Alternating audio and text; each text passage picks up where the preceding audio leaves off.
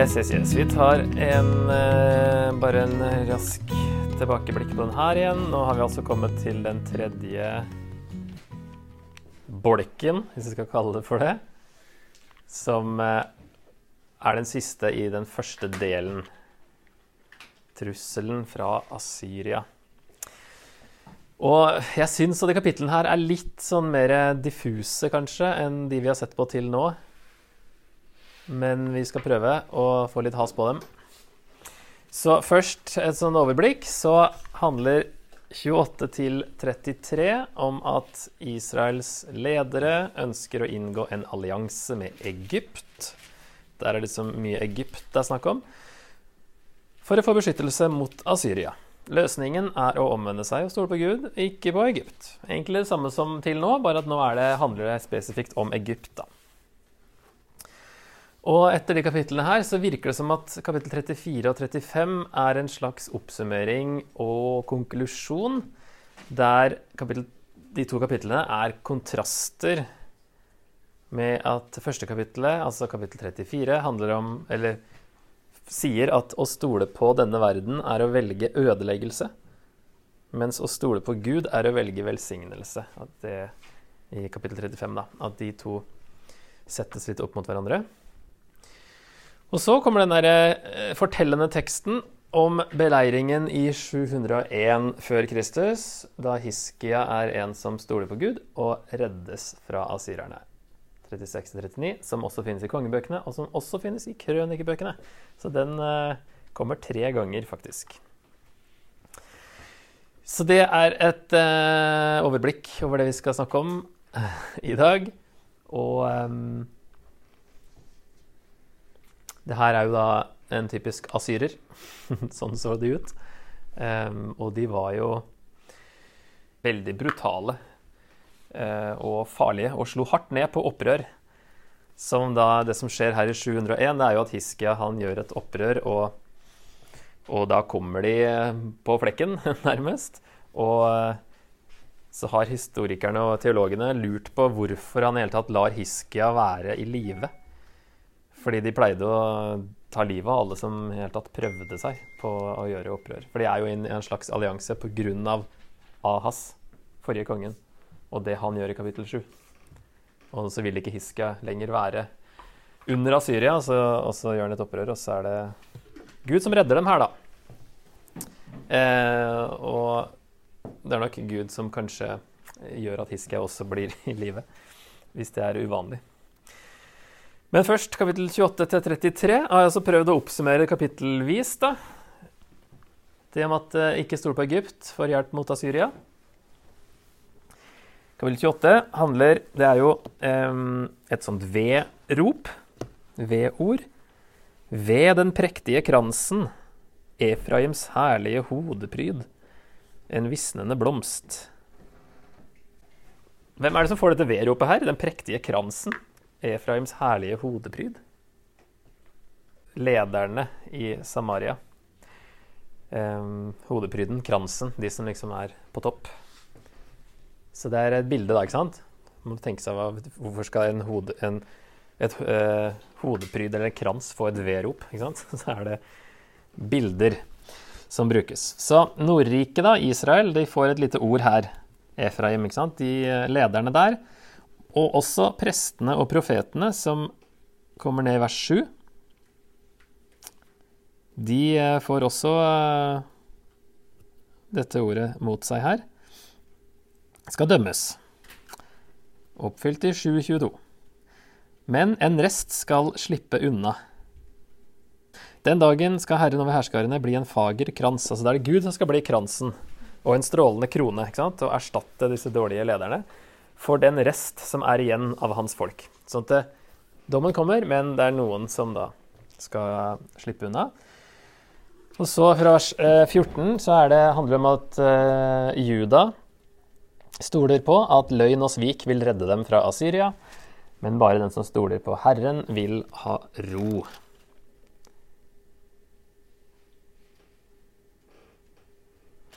Og så er det sikkert forskjellige oversettelser i vers 10. Her står det sav la sav, sav la sav, kak la kav, kak la kav. Litt her, litt der. Så eh, de har jo bare transkribert, som det heter, hebraisken.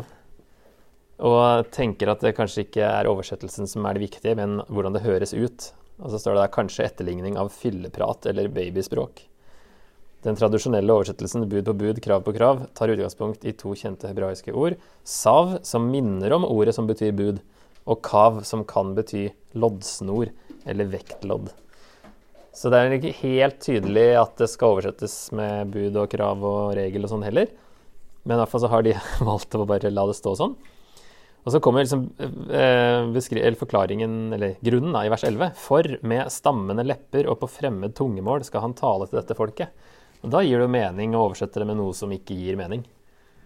Altså Hvis det er babyspråk eller fylleprat fordi prest og profet sjangler av drikk, som det står i vers 7. Eh, Fortumlet av vin, raver av drikk, sjangler når de har syn, vakler når de, når de dømmer. For alle bord er fulle av spy og skitt. Ikke en ren flekk.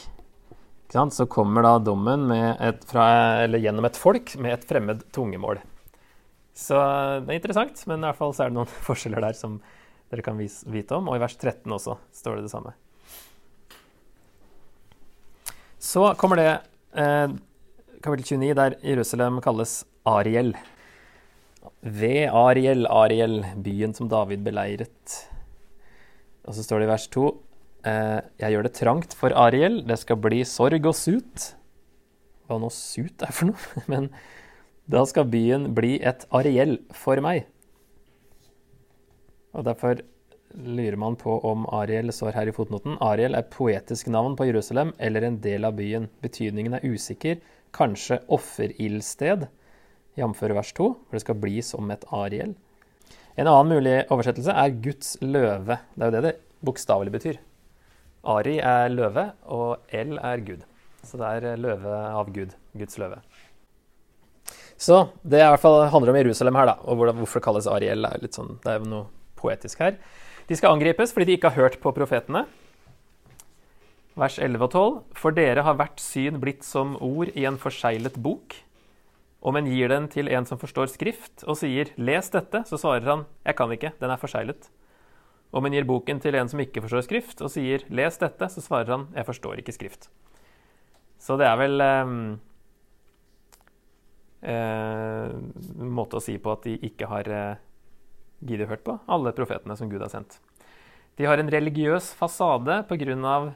at de hadde liksom det rette offerstedet, men de er langt borte fra Gud.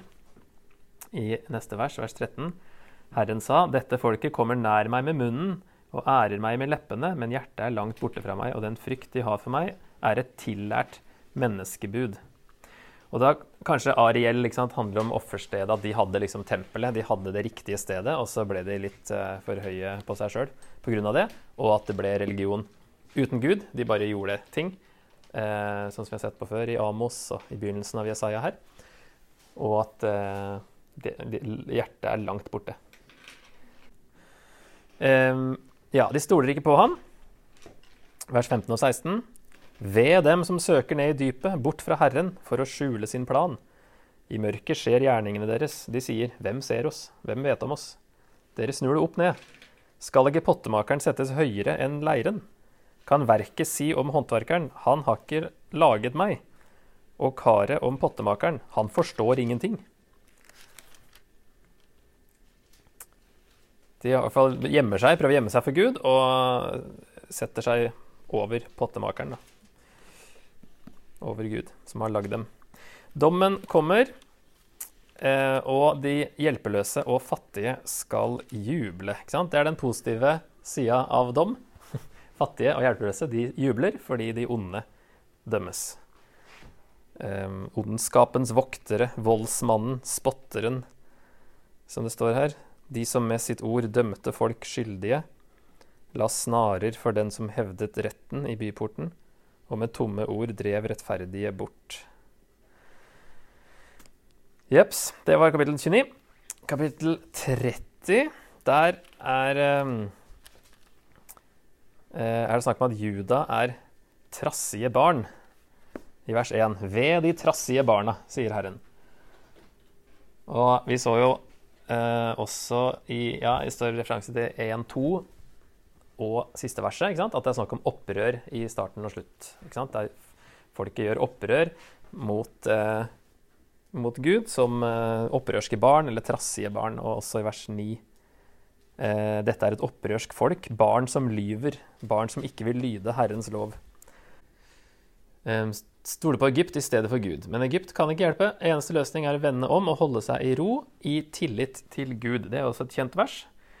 For så sier Herren Gud, Israels hellige, altså vers 15, hvis dere vender om og holder dere i ro, skal dere bli frelst. I stillhet og tillit skal deres styrke være.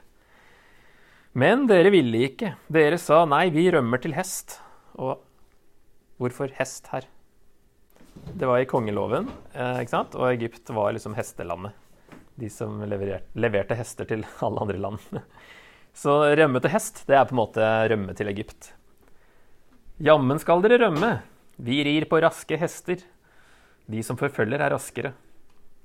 Så de ville ikke um, holde seg i ro og ha sin styrke da i stillhet. Altså være, ikke, ikke verbal stillhet, men altså holde seg i ro og tillit til Gud. Der ligger styrken, men de vil alliere seg i stedet. Um, dommen vil føre til omvendelse og gjenopprettelse, og Gud vil også slå Asyria.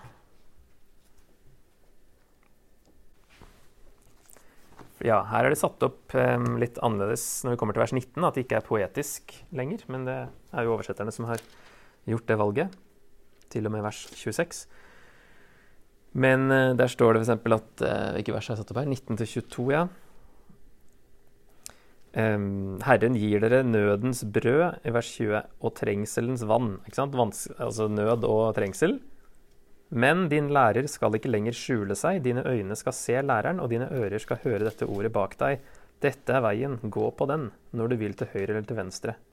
Da skal dere regne som urene de sølvkledde gudebildene du har, og gullplatene på de støpte bildene. Du skal slenge dem bort som urene filler. Så en omvendelse her da i 1922, at de skal kaste fra seg gullplatene og gudebildene og sånne ting, og, og eh, komme seg tilbake på veien. Og gjenopprettelse i, fra 23. At da kommer det regn, brød, eh, buskapen skal få beite. Og det skal være bekker og rennende vann på den store drapsdagen. Høres veldig positivt ut, og så kom plutselig ordet 'drapsdagen' inn der. Men det er, dommen er positiv for Guds folk, da. Vers 25. Månen skal lyse som solen, og sollyset skal bli sju ganger så sterkt, lik lyset for sju dager, den dagen Herren forbinder sitt knuste folk og helbreder såret etter slagene. Og så kommer det 27-33, altså resten av kapittelet. Da er det Asyria igjen som eh, skal gå under. At det uh, sies igjen at uh, Gud skal, skal også sørge for at settes en stopper for Asyria, som da etter hvert ble veldig brutale. 31 videre. Ved dem som drar ned til Egypt etter hjelp. De støtter seg til hester, de stoler på vogner fordi de er mange, og på ryttere fordi de er tallrike. Men de vender seg ikke til Israels hellige, de søker ikke Herren. De støtter seg til Egypt i stedet for på Gud, og de må vende om.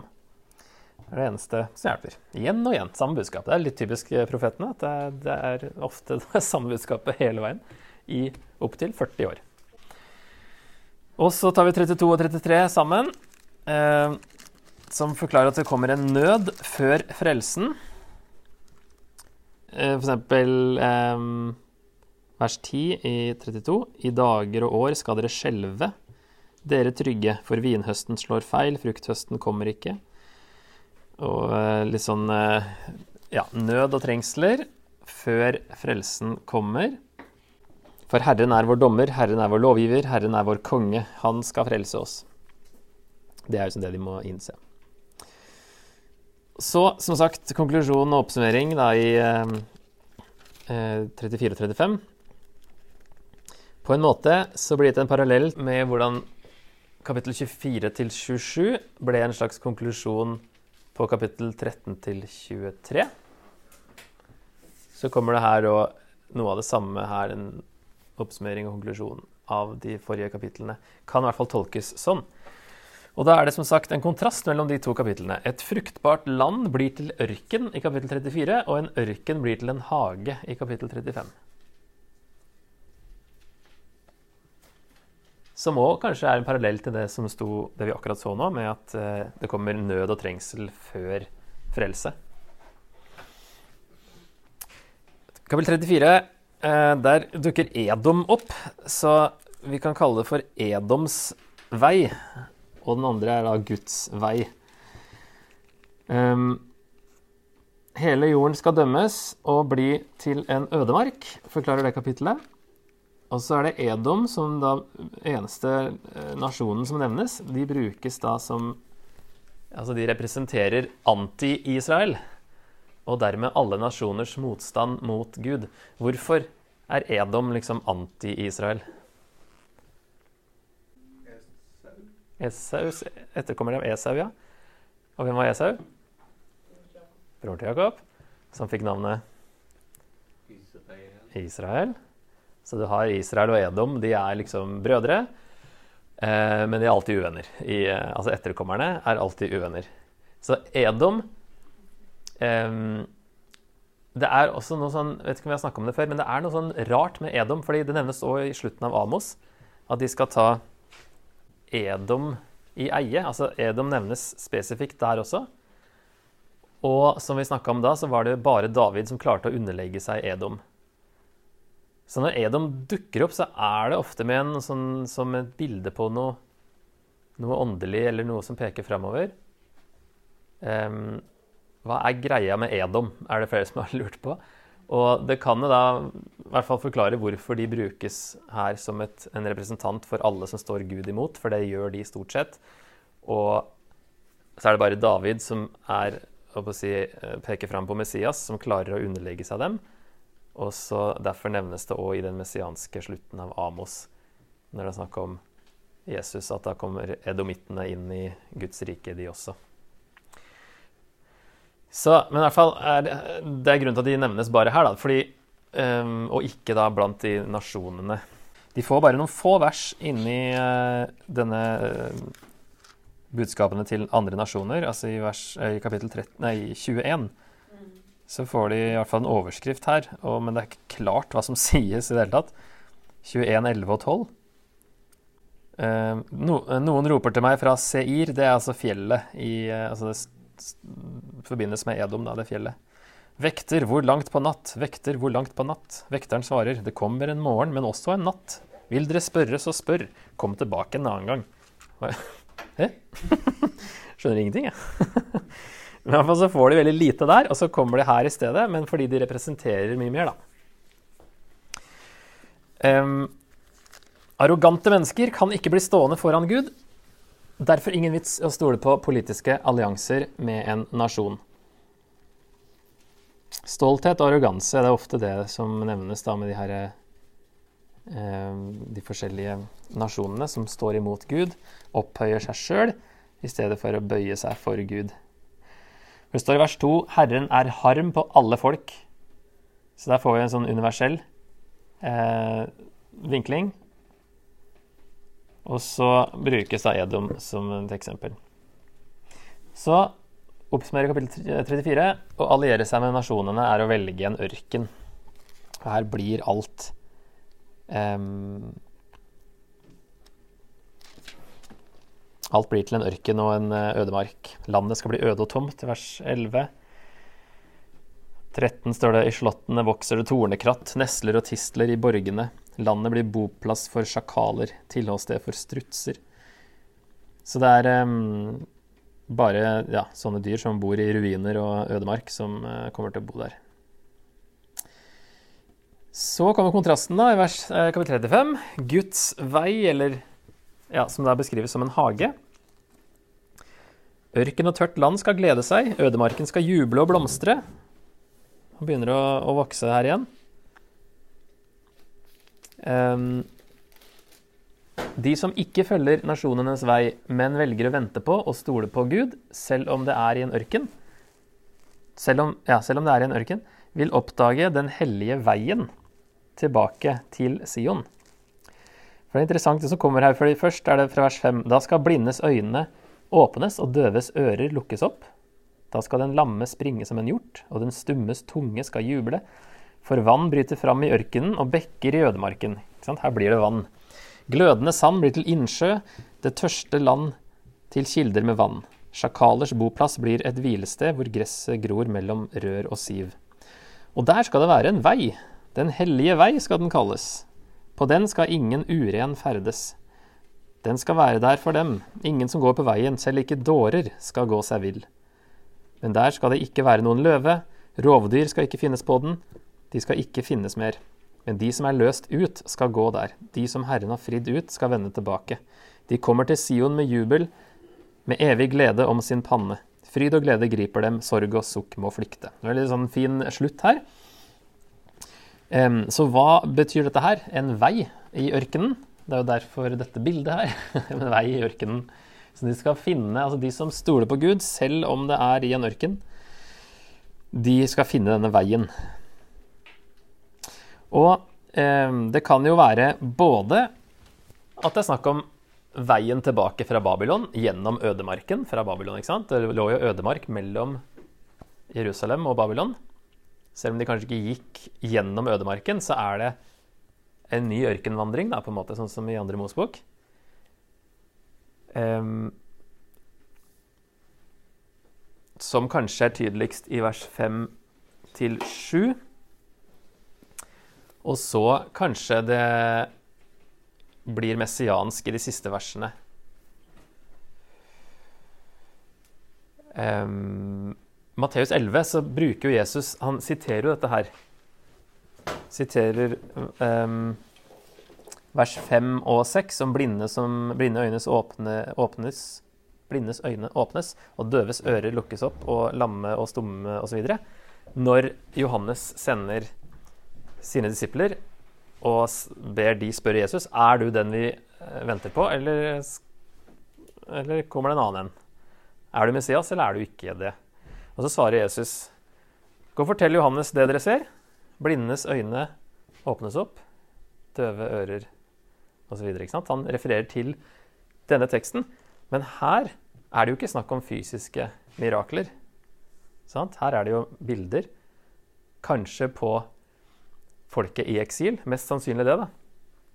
De er blinde og døve og lamme og stumme fordi de er i eksil. En åndelig blindhet og stumhet og døvhet. De har vært døve for profetene, blinde for Guds ord.